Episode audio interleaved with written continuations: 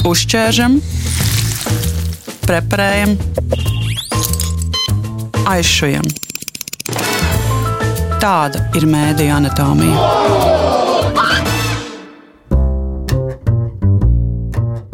Mēdīņa anatomijas studijas vadītājs ir Zana Ozoliņa. Un Dārts Krējere. Un šodien mēs esam nolēmuši parunāt par to, kas notiek Latvijas televīzijas tirgū. Un, kā ekspertu uzaicinājām Artu Gigu, jo mums likās, ka viņa varētu mums izskaidrot lietas, ko varbūt mēs nezinām vai nu, esam palaiduši garām. Un mēs ar tevi gribējām runāt Arta, tāpēc, ka tu veido saturu gan e, vecā tipa televīzijā, lineārajā televīzijā, kur mums ir jāieslēdz televizors konkrētā laikā, gan arī uh, filmas un seriālus, kas ir pieejami daž, ne dažādos veidos, gan parastajā televīzijā, maksas platformās, arī um, kinoteātrī. Bet pirms mēs sākam runāt, um, lai klausītāji zina, ar ko mēs runājam, mēs varētu varbūt īsi pastāstīt, kas ir tas, ko tu šobrīd dari, aiz kā ir tavs vārds un tava um, darba saturs. Nu, es um, jau 15 gadus veidoju raidījumu nekā personīgi, un esmu šī raidījuma galvenā redaktore. Mums jā, šogad paliek tieši 15 gadu. Būs balīti. Cerams. Vai arī viņi palika jau pagājušajā gadā, es godīgi sakot, tas jau izsitusies no tā ritma. Bet nu, skaidrs, ka ballīte kaut kad būs. Un tas ir ilgs laiks. Mēs to veidojam lineārai televīzijai, lielākajam komerckanālam TV3. Svētdienu vakaros vēl mēs laiku pa laikam veidojam citus raidījumus, kas mūsuprāt paplašina skatītāju tādu redzesloku. Savulaik mēs sākām šo mēlu dekonstrukcijas ciklu vēl pirms tas bija ļoti, ļoti populāri ar tādu raidījumu mēlu teoriju, kur vairs mēs neveidojam, ja mums tas liekas noiets etaps, bet vispār iet turpina. Tad pērnajā gadā mums pašiem ļoti patika. Mēs taisījām tādu raidījumu, kur bija divi raidījuma vadītāji, viens latviešu un krievu, un viņi sprieda par to, kā mēs skatāmies uz dažādiem mītiem. Un to es labprāt būtu turpinājusi, bet, protams, ka pēc 24. februāra tie diskursi ir tā mainījušies, ka tur īsti nav par ko runāt vairs. Kamēr, Man liekas, tieši ir. Nu, zini, kā kamēr nebeidzās karš Ukrainā, tikmēr īsti nē. Lūk, tad, tad, kad apnīk. Un šis viss ir tādi darbi, kas nonāk ļoti lielā kritikas un nemitīgi tādā spotlaitā. Un tad, kad tas viss ir galīgi apnicis, tad mēs veidojam filmas un seriālus, jo, jo tas ir kaut kas tāds. Tas darbs kino vidē ir nu, pirmkārt ir ļoti interesanti, jo tu pilnībā uzbūri pasauli no nekā. Un kādu tu esi iedomājies, tādu viņi izveido. Un, ja skatītājiem tas patīk, ka viņš dzīvo līdzi un tai tic, tas ir super. Lieliski sajūta. Un otrs, kas ir, ir tas, ka, ka cilvēki, kas strādā kino vidē, ir tiešām īpaši. Viņi līdz pēdējiem darīs visu, visu labāko, lai, tu, lai tas būtu nu, pats labākais, ko mēs tajā mirklī varam izdarīt. Tādu atdevi ir reti, kur var ieraudzīt, un tas ļoti uzlādē arī, lai pēc tam strādātu citus darbus.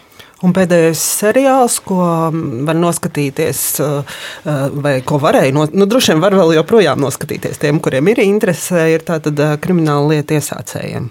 Seriāls. Jā, tā ir.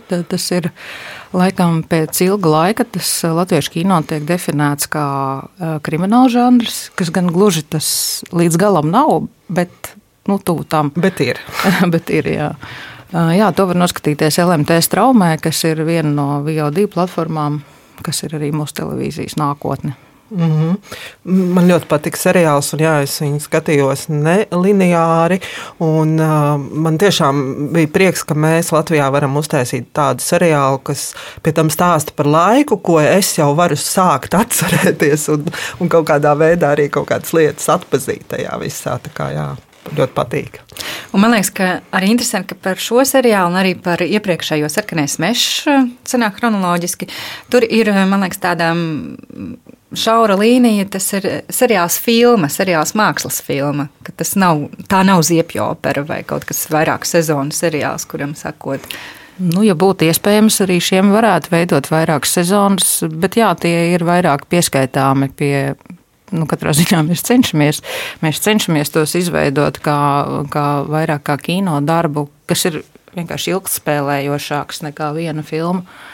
kas arī jau apmēram kopš. Um, kopš 2000, apmēram 2000 gadiem ir tāds jauns trends, un, un ir nomainīts. Nu, tas ir ienācis visās kino, kino industrijās. Ir negluži tā kā strīds, bet ir divi seriāli, kurus uzskata par šādu kvalitatīvo seriālu aizsācējiem. Viens no tiem ir labi zināmais Soprāno ģimene, un otrs ir seriāls Zevaira noklausīšanās. Un šie divi ir tie, kas ir pārdefinējuši, kā tiek veidoti seriāli, un ka tie vairs nav arī tikai mm, televīzijas produkts, bet ir. Gan par kino izplatīšanām šiem diviem es, protams, neko nezinu, bet, bet kopumā tie ir pārdefinējuši arī to, kā tiek izplatīts gan kino, gan arī seriāli. Mm. Un ko liecina reitingi? Mm, seriāls, latviešu seriāls, seriāls mēs skatāmies kriminālu lietu iesācējiem. Eh, tev apmierina šie rezultāti? Vienmēr tu... gribās vairāk. Latvijas televīzijas satika nesen Zana Valinieci, un viņa teica, ka esot bijuši labi reitingi, bet es nezinu kādi. jāpajautā. Es ļoti ceru, ka to skatās, bet eh, mēs saņēmām diezgan daudz atsauksmi tieši brīdī, kad Latvijas televīzija rādīja, un arī tad, kad tas bija pirmizrādē um, LMT, kad cilvēki skatās un viņiem patīk. Un, uh, vakar filmas režisors teica, ka kaut kur esot diskusija par krūzītēm seriālām. Tāds vesels tāds pētījums par to, vai krūzītes ir bijušas pareizas. Cik autentisks ir. jā. Bet uh, vēl atgriežoties pie tiem laikiem, tiem 90. man uh, radās tāds iespējas, ka, ka, ka 90. ir kaut kas tāds, kas mums atmiņā stipri melo. Jo daudziem liekas, ka 90. tie ir apmēram tā kā 70. gadi. Jo mums pārmeta, ka nevarēja būt plasmas slogi, bet es pati personīgi ieliku plasmas slogu savā dzīvoklī 92. gadā, un viņi joprojām ir. un tos mēs varam redzēt arī tādus, mēs varam redzēt um, seriālā, kur darbība notiek 95. gadā. Bet tās atmiņas ir tādas, it kā mēs būtu dzīvojuši 70. gados, ka visam bija jābūt citādākam. Laikam tas laiks ir bijis tik intensīvs un tik neskaidrs, tāds, ka viņš ir izplūdis un tādas precīzas atmiņas nav. Mm. Bet tu kā saturveidotāji, tātad gan lineārajai, gan nelineārajai televīzijai, jā, kā tu vari teikt, kas ir tagadne un kas ir nākotne?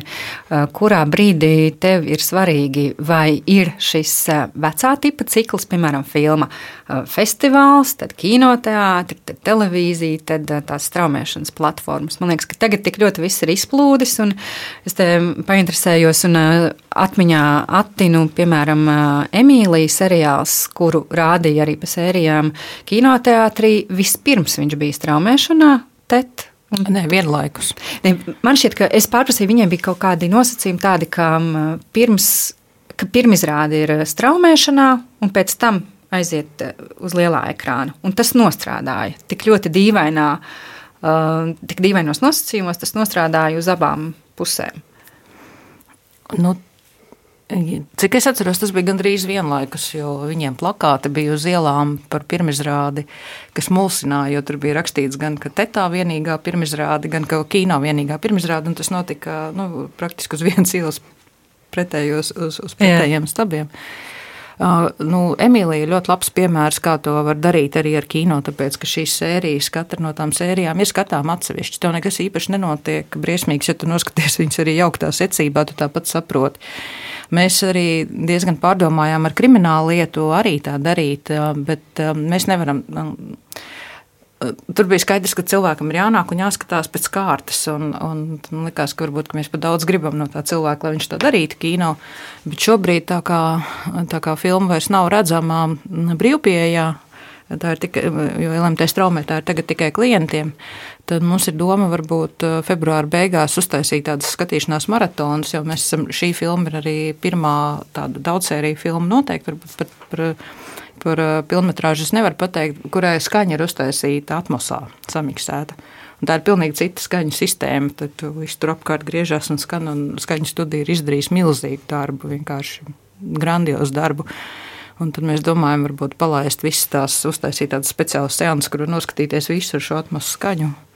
Ko tu nemūžam nepalaidīsi datorā un televīzijā? Nu, tā ne, nesaki, ka nemūžam. À, tas, tas ļoti, ļoti tuvojās. À, labi, un, uh, par datoru es nezinu, bet mobilajā telefonā, Apple telefonā ar Apple austiņām jā, tu to jau vari. À. Mm -hmm.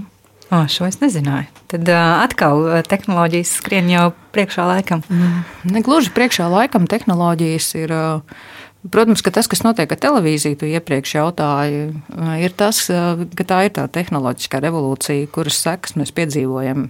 Tie, kas veido saturu, līdzīgi kā tas bija ar industriālo revolūciju 19. gadsimta sākumā, kad ienāca fabriku stelles un mašīnas, un tas aizstāja cilvēku darba spēku. Mēs šobrīd dzīvojam šajā tehnoloģiskajā revolūcijā. Tieši televīzija nogalinājis ir internets. Un tas fakts, ka pat ne internets, tas ir nepareizi teikt, jo tas arī ir tikai rīks.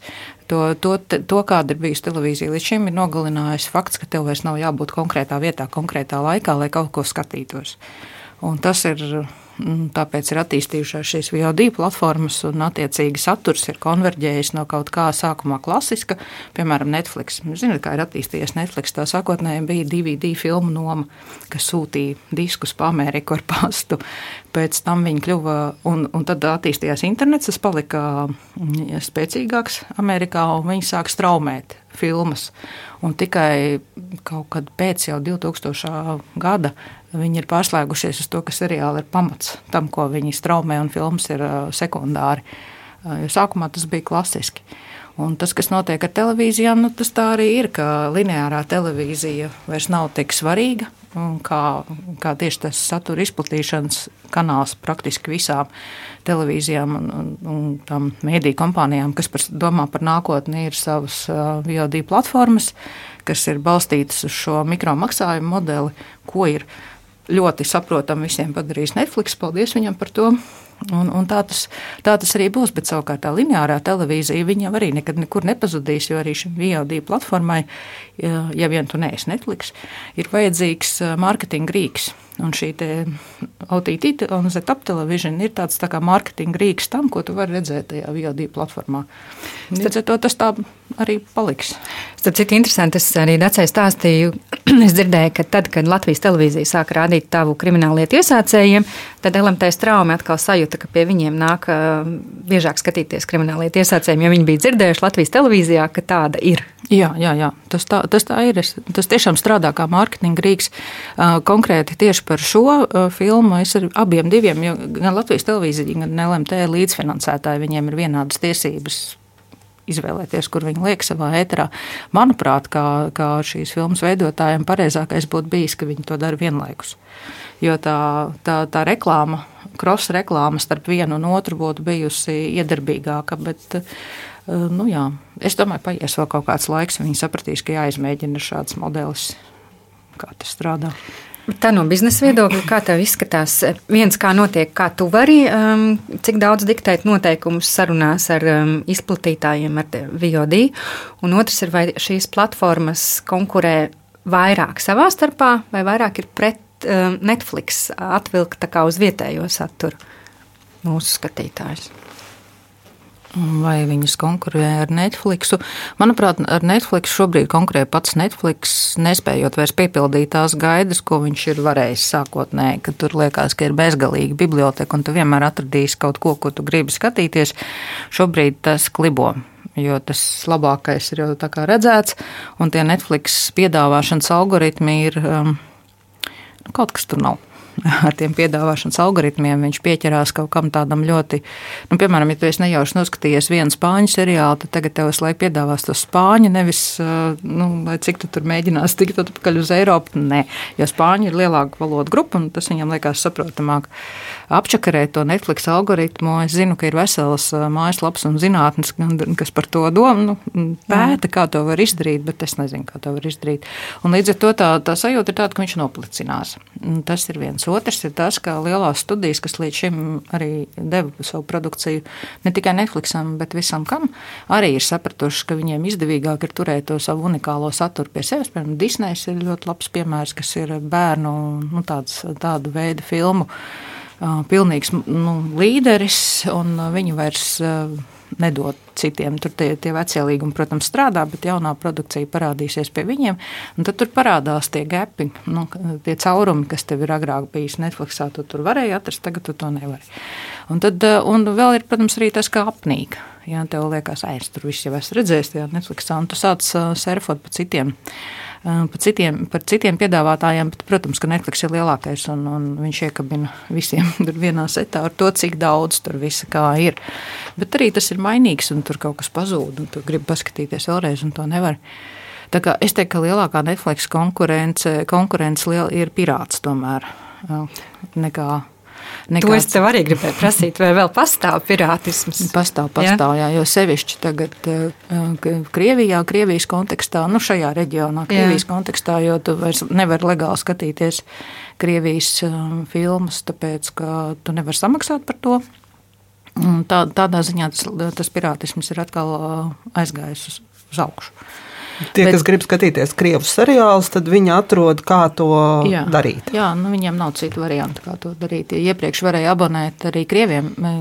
Tagad tas ir sabojājies stipri, bet uh, vēl līdz tam karam bija tā, ka, ka televīzijas bija superpolitizētas, un tur arī tāds izklaides saturs bija tikai par to, kā kā krievu miliči, ne policisti viņam tagad bija, nu kā viņi tur tā var ap, visu izcīnīt un uzvarēt, un vispār visu, visu taisnību ir viņiem, vai arī, teiksim, tie vēstures sagrozīšanas filmas, milzīgās lielbudžetnieces un seriāli, tie tur bija, bet tie bija federālajos kanālos.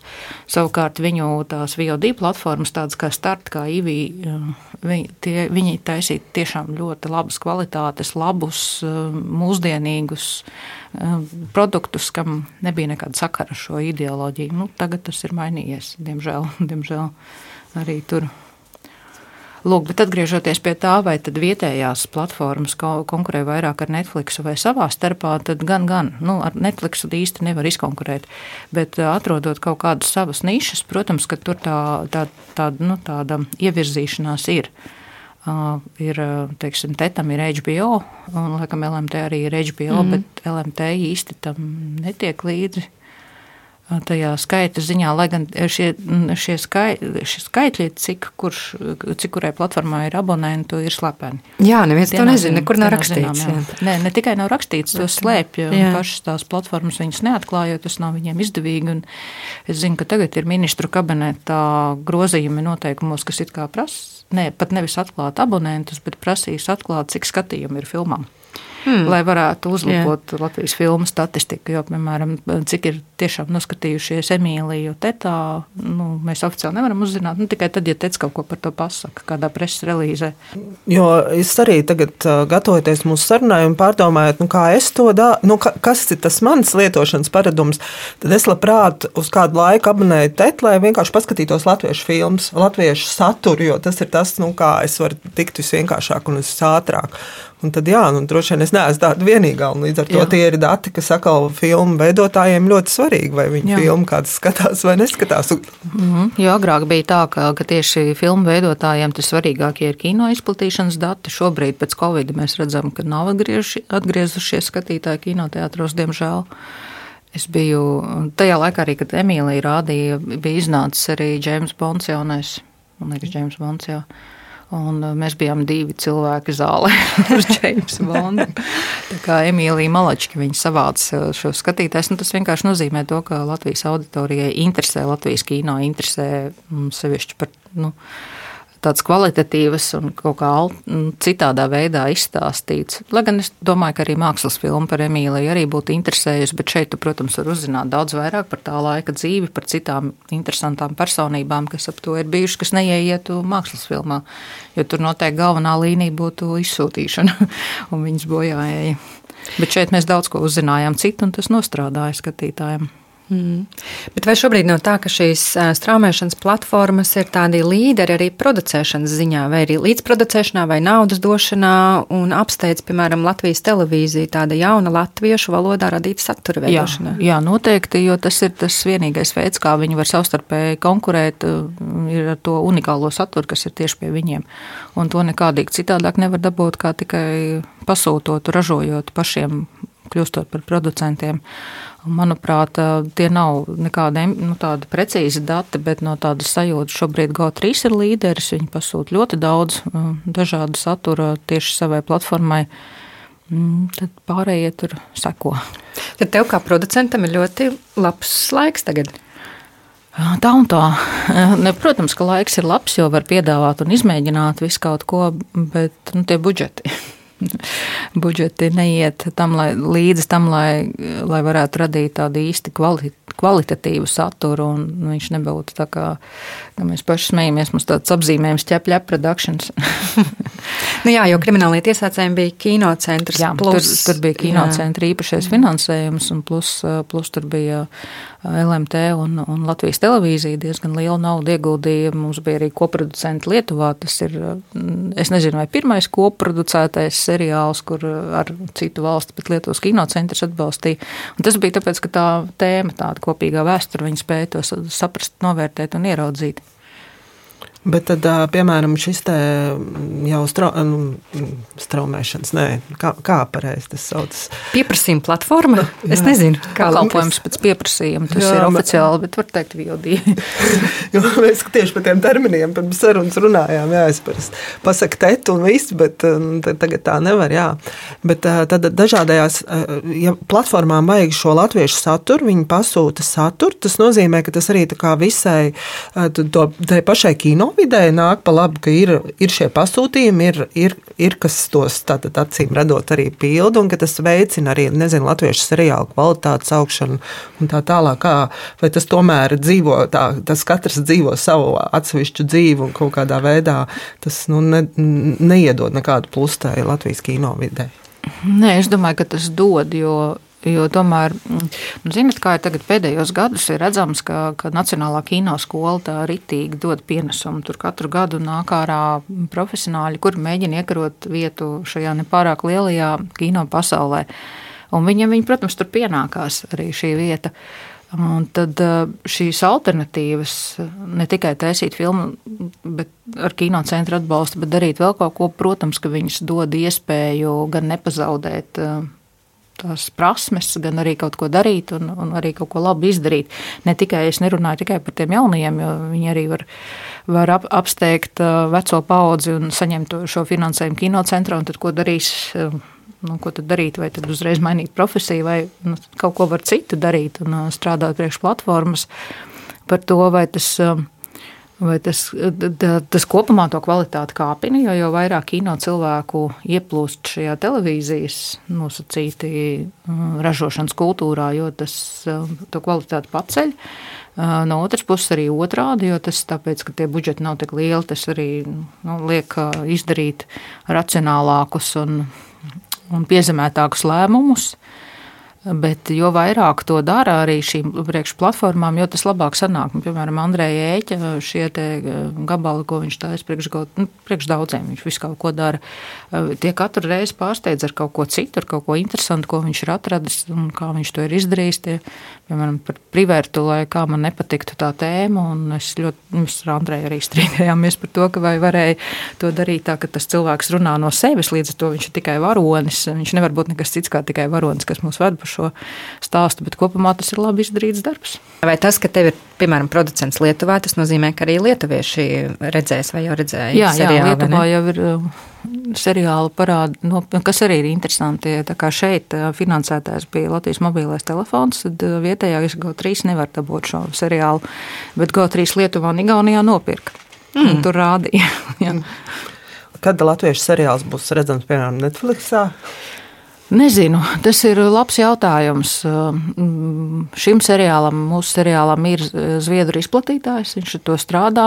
Patiesībā nonākšana Netflixā izklausās kā tāds sapnis, ko visi gribētu, bet īstenībā tas nemaz nav tik superīgi. Jo mēs zinām, ka viņi ir lieli, bet mēs neko īstenībā nezinām par tiem budžetiem, ko par kādiem viņi pērk filmas un, un seriālus. Un, un tas, tā, tas pārdošanas darījums ir tā saucamais negatīvs pick-up. Viņi nopērk visu, visas tavas tiesības, tu pazaudē tiesības uz šo darbu. Vai tas ir labi? Un arī Netflix arī neatskaitās par to, cik reizes kāds ir skatījies. Tu neuzzini to. Jo viņam nav izdevīgi parādīt. Jā. Es nezinu, vai izdevīgi vai neizdevīgi. Varbūt arī, ka tu, tur ir tāds apjoms, un tu esi tik maziņš, ka nevienu tas neinteresē ar tevi. Nu, tu tur, jā, man tur līgumā bija rakstīts, lūdzu, pasakiet. Nu, ok, tev bija rakstīts, Libidis.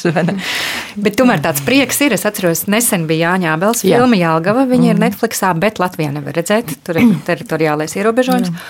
Un Jānim Kalējam šķiet Igaunijas filma viena ir Netflixā. Īstenībā ir vairāk Netflixā. Ir Mārim Martinsonam maģiskais kimono ir Japānas Netflixā.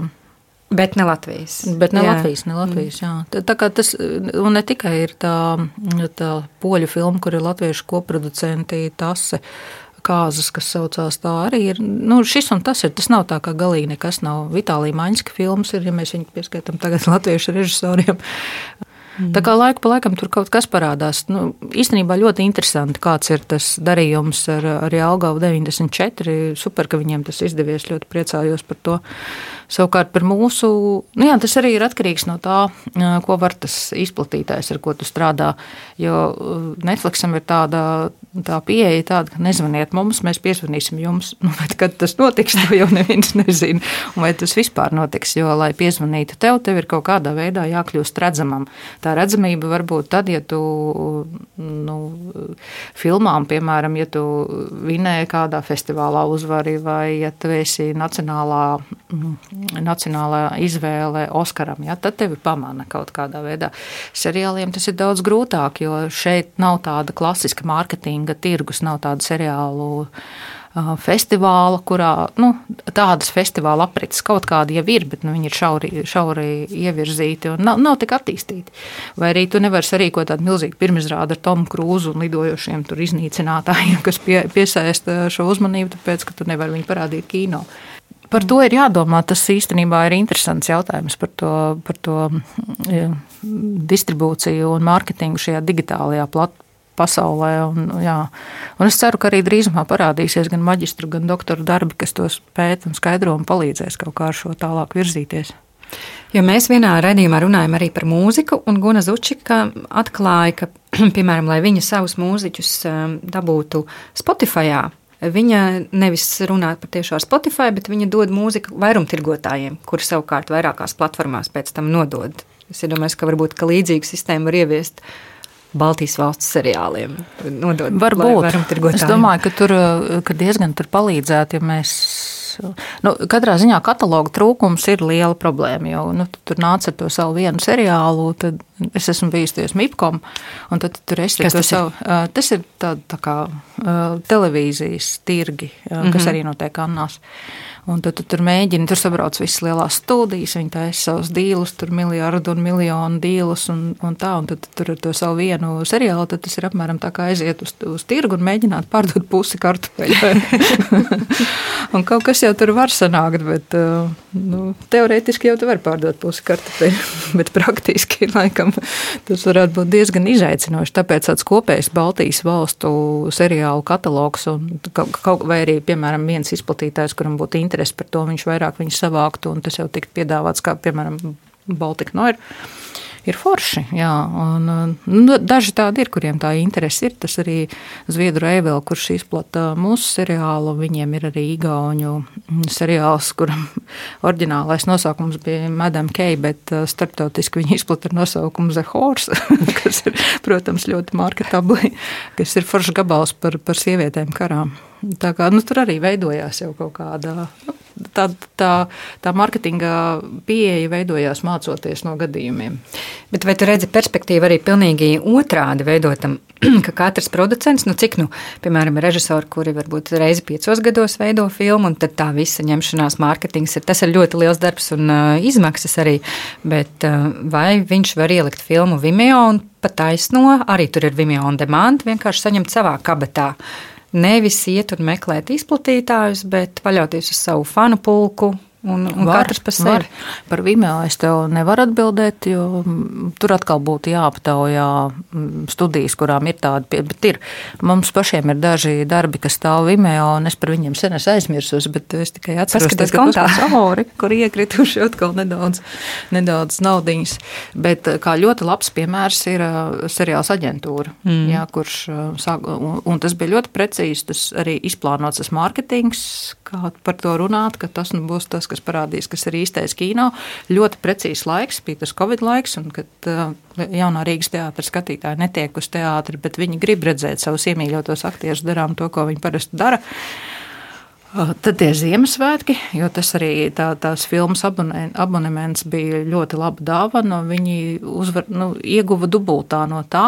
Uh, to to atdevi, tur redzot to, to abonementu skaitu un pēc tam pārdošanu Latvijas televīzijai un vēl citām platformām, nekā to būtu izdarījuši klasiski, ja viņi nebūtu noriskējuši ar to savu izrādījumu. Tu noteikti vairāk zini aizkulises. Es atceros, ka vai tik nebija tā, ka Harmanis teica, ka no sākuma viņi gāja to tradicionālo ceļu, bet neviena no platformām nepiedāvāja tik daudz, cik viņš gribēja. Vai viņi dabūja to summu pēc jā, tam? Viņi dabūja, jā? Jā, jā, jā. Viņi dabūja Viņi ritīgi atpelnīja. Tad viņi Malači. pierādīja, ka individuāli Jā. var to izdarīt. Jā, bet jautājums ir, vai to var atkārtot otrais.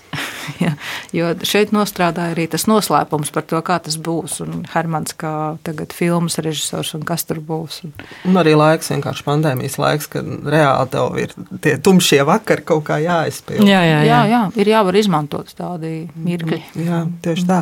Bet atgriežoties tā atpakaļ pie televīzijas un, un tā satura, ko mēs varam redzēt, tad tagad nu, tas, no mūsu sarunas līdz šim tas secinājums ir tāds, ka tele, lineārā televīzija mēs skatāmies, bet tas vairāk jau ir tāds kā mārketinga rīks, lai cilvēkiem pastāstītu par dažādiem Latvijā tapušiem, producētiem eh, filmām vai seriāliem. Vai? Un tiešraides efekts, ka tu ieslēdz tajā Svētdienas vakarā raidījumā, ja tu zini, ka tur būs kaut kas interesants, vai arī tieši vienmēr sports strādā. un tam līdzīgi sports, jā, ir tas um, 3L princips, kas strādā ar local life un kas bija trešais aizmirsts. Bet uh, ideja bija, ka, nu, ka tam ir jābūt šeit un tagad notiek. Tā kā sports, jā, vienmēr Eirovīzija, jā, vienmēr, jo tu esi līdzi un darbojies. Un, un ļoti interesanti, ka tas darbojās arī uz kaut kādiem raidījumiem, kur nav šādi, bet kur ir kaut kādas kopienas. Piemēram, Twitterī var novērot, ka cilvēki skatās trešdien vakaros Dombūru, jā, un tad ņemās, jo, un vairāk tā, uh, tas interesantums pat ir nevis tas, kas notiek studijā, bet tas, ko viņi savstarpēji var par to parunāt. Un tas arī tas local and life, jā, kas, kas šobrīd notiek, un tas ir piesaistījis skatītāju.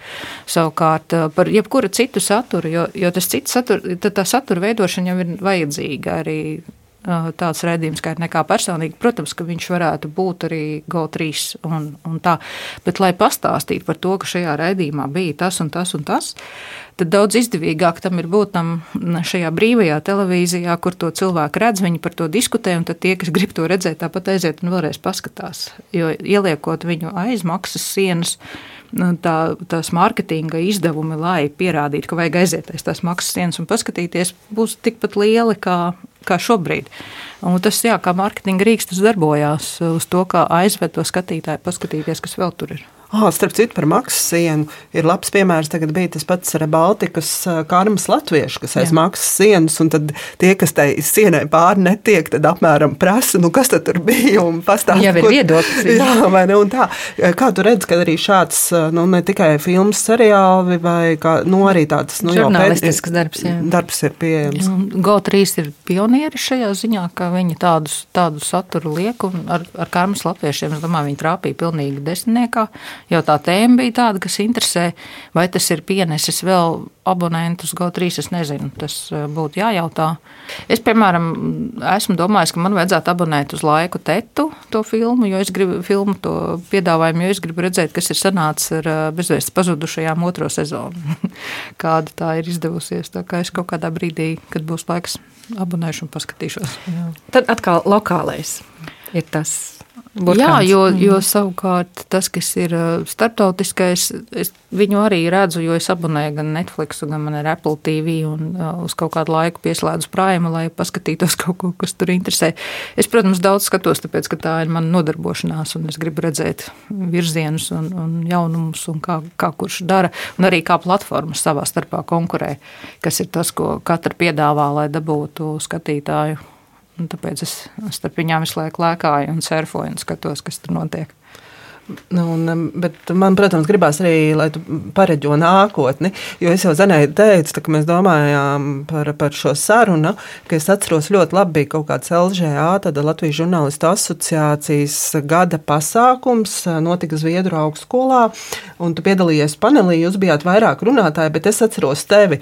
Tas vēl bija laiks, kad es, piemēram, no rīta ejot uz rādio, izlasīju avīzes dienu. Tas vēl bija tas laiks, un tajā panelī tu man stāstīji par to, ka avīzes tūlīt nebūs, televizors arī būs tā, ka nu, tu varēsi noskatīties to, ko tu gribi tajā laikā. Un es atceros, toreiz es tā klausījos tev, kaut kā man tas, tas tavs pareģojums, kur jau es pēc pusgada savā dzīvē piedzīvoju, man, uz mani atstāja lielu iespēju. Līdz ar to tavas, nu, tavas zināšanas es gribētu arī izmantot šajā raidījumā. Lūdzu, pareģo, kas būs pēc pieciem gadiem? Ko mēs darīsim? Pēc pieciem gadiem mēs būsim paplašinātajā realitātē tas būs kaut kas vēl pilnīgi cits. ja tūlīt, jo es, mēs tiešām šobrīd dzīvojam tik uh, lielā tehnoloģiskajā revolūcijā, ka mēs te knapi tiekam līdzi. Jūs noteikti visi zināt šos mākslīgā intelekta chatbotus, ar kuriem ir interesanti runāt. Uh, tas ir tik maza daļiņa no tā visa, ko, ko tas, tā, tā, tas metavers ir kaut kas uh, pilnīgi neapjausā ar vēl vienu pasauli, kas atvērsies. Tur noteikti būs gan, gan kino darbi, kas ienāks metaversā un piedāvās kaut kādu pilnīgi citu realitāti. Ar citiem nosacījumiem, jo kino mākslinieks piedāvā citu realitāti un likt tam visam noticēt. Ir avatars šobrīd, ir kino, vai ne? Tur ir pilnīgi cita pasaule, bet tas metavers pavērs kaut ko absolūti citu. Bet tas ienāks arī mūsu ikdienā. Uh, daudzās citās lietās, ka varbūt pie ārsta nevajadzēs iet eh, fiziski, tur stāvēt rindā, tu varēsi pieslēgties, pieslēgsies savām metaversu brillēm un apskatīs tevi tur kā no kaut kurienes. Un, tas ir ne, nu, vēl nesaprotama nākotne, ļoti interesanta. Nu, tādā, no tām tehnoloģijām vēl būs tas, ka Es domāju, ka tieši medicīnā tas būs lielākais izrāviens, ka cilvēkiem varēs implantēt kaut ko, kas čeko viņu veselību. Un, un priekš latviešiem tas būs ļoti labi, jo daudz mazāk nokavēs mirkli, kad jāiet pie ārsta, ārstēt sirdi un vēl kaut ko. Mēs esam tik maz, ka tas ir tiešām ļoti svarīgi. Tā kā šo tehnoloģisko izrāvienu ļoti gaidu. Kas attiecās uz saturu, zini, kā ir satura veidotāji vienmēr būs vajadzīgi. Tāpēc, ka šobrīd ir tā, ka tagad tas nav tik raksturīgi, bet vēl pirms kādiem pāris gadiem cilvēki iepazīstoties ar mani vienmēr uzskatīja par vajadzīgu pateikt, ka viņi neskatās televizoru. Un es savukārt eh, domāju, ka jā, bet es taču nestaigāju apkārt un nesaku, ziniet, es nezvanu pa fiksētu līniju. jo vienkārši ir cits veids, kā mēs to darām. Man ir vienalga, vai tu skaties vai neskaties televīziju, tu tāpat esi to manu saradīto saturu redzējis kaut kādā citā veidā, caur citu izplatīšanas kanālu. Un tā, tas, kas ir jāiemācās, ir monetizēt šo izplatīšanas kanālu izmantošanu. Piemēram, ar Netflixu ir tā, ka tas, tas nav tā, ka katrs individuāli var izdomāt, tāpēc tieši tāds mans pareģojums beigās ko nozīmēs. Bet, piemēram, ar Netflix ir tā, ka viņi tagad ir pieregistrējuši savu mītnes zemī Nīderlandē. Un līdz ar to ir pakļuvuši zem Eiropas audiovizuālās direktīvas, un tāpēc viņiem ir gan jāatbalsta vietējais Eiropas saturs, gan viņš jāizceļ virspusē. Un arī jau daudzas valstis ir uzsākušas tādu procesu, ir tāds saucamais Netflix nodoklis par to, ka viņi ar savu ļoti lielo amerikāņu šo kultūru samazina un noplicina šīs Eiropas industrijas iespējas, jo cilvēki neiet uz kino, viņi izmanto šo ir jau ieviests vairākās valstīs tāds saucamais Netflix nodoklis, kuram ir jānonāk vietējā kino industrijā, lai varētu stāvēt pretī šim. Arī Latvija ir sākuši šādu procesu. Tas attieksies uz, ne tikai uz Netflix, tas tikai saucās tā, nu, darba nosaukums. Mm. Tas uz daudz, daudz ko attieksies. Tā kā, tāda, es domāju, ka būs arī tāda pārskatīšana par to, kāda ir šo lielo spēlētāju nozīmi tādā vietējā ekosistēmā, lai viņi nenobeigtu pavisam. Un ar to es domāju arī, piemēram, sabiedrisko mēdīju, kurš ir ļoti nu, liels, stabils un viņam tādam ir jābūt. Bet būs arī jāpārskata, tāda, kāda ir sabiedriskā mēdīja vieta ekosistēmā un kāda ir tāda teiksim, atbildība. Piemēram, sabiedriskais mēdījis piedalās kino ražošanā, kas ir super, jo tas ir kaut kāda Latvijas kultūra telpa, kas veidojās ar to, un, un, un tas ir loģiski. Un ir noteikti vēl citas jomas, kur arī ir kaut kas jādara, ne tikai jākonkurē. Man patīk optimistiska prognoze. No sākuma izklausījās ļoti sarežģīti, un pēc tam jau optimistisks. No. Jā, jā, tā, man uzreiz tā gribējās, bet vai televizors vēl būs viesistabā pēc pieciem gadiem? Vai muzejā? vai muzejā jau? Nezinu. Lai gan Bet tieši televizors jau ir ekrāns. Tas, jau, Tas ir ekrāns, jā. Jā. Tas, kā mēs viņu redzēsim, vai, tas, vai būs tieši tāds ekrāns, vai būs tās brilles visiem, kur redzēs. Nu, ne visiem, es domāju, ģimenes locekļiem, piemēram, ja grib kaut ko kopīgi skatīties, droši vien, ka būs tā, jā, ka tu vari uzlikt. Katrs uzliek brilles un nonāk vienā un tajā pašā metaversā un kaut ko dara kopā, jā, tas tā būs. Vai būs tāda televīzija kā šobrīd, es domāju, ka nu, gadus 20 noteikti vēl, jā. Mhm, Kamēr tā mūsu paudze. Paudzes mainās. Jā, jā. Jā, jā.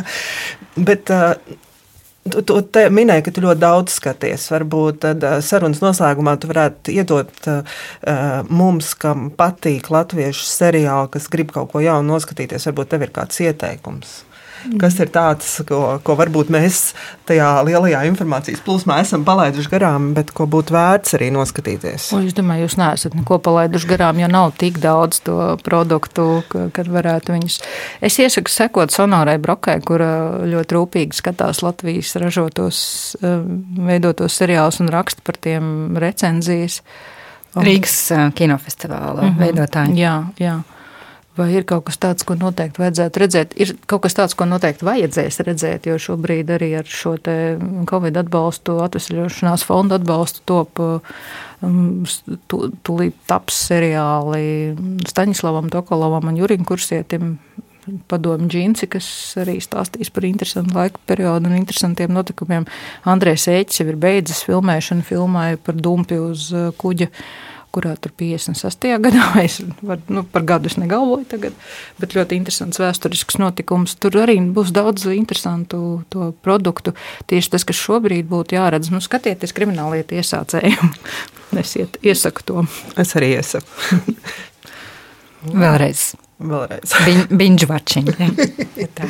Paldies, Arta. Paldies. Tiešām pavēri mums um, jaunas um, metarealitātes par to, ko padomāt un kā saprast. Man šķiet svarīgi arī ir, uh, kā skatītājiem, mēģināt saprast, kā arī tas uh, biznesa modelis strādā un kā tāds varētu būt skatītājiem visizdevīgākais. Nu, nu jā, un arī tās vērtīgas iemaņas. Ja man interesē latviešu kino, latviešu filmas, arī prastās atrast, norientēties visās platformās, kurā vietā kas tas ir. Tas arī, es domāju, tās tādas prasmes, kas ir nu, jāapgūst jau tagad, ja tev tas interesē, un nevienmēr to visu var noskatīties kinoteātrī. Tā ir ceļš tagad šajā rudenī, ka, kad bija tik blīva tā pirmizrāžu grafiks, ka kino bija, filmas bija pa nedēļu, nedēļu un viss nāk nākamā, nedēļa nāk nākamā. Tur tiešām neko nevarēja paspēt jau. Jā, jā, tur bija jāņem atvaļinājumi, lai vispār mm. kaut ko redzētu. Paldies, tad Arta Ģiga, kinoproducente, seriālu veidotāju un televīzijas satura radītāju. Mūsu mediju anatomijas studijā. Jā, paldies, ka klausāties, un tad tiekamies jau pēc nedēļas šajā pašā laikā. Uzķēršam, preparējam, aizšujam. Tāda ir mēdija anatomija.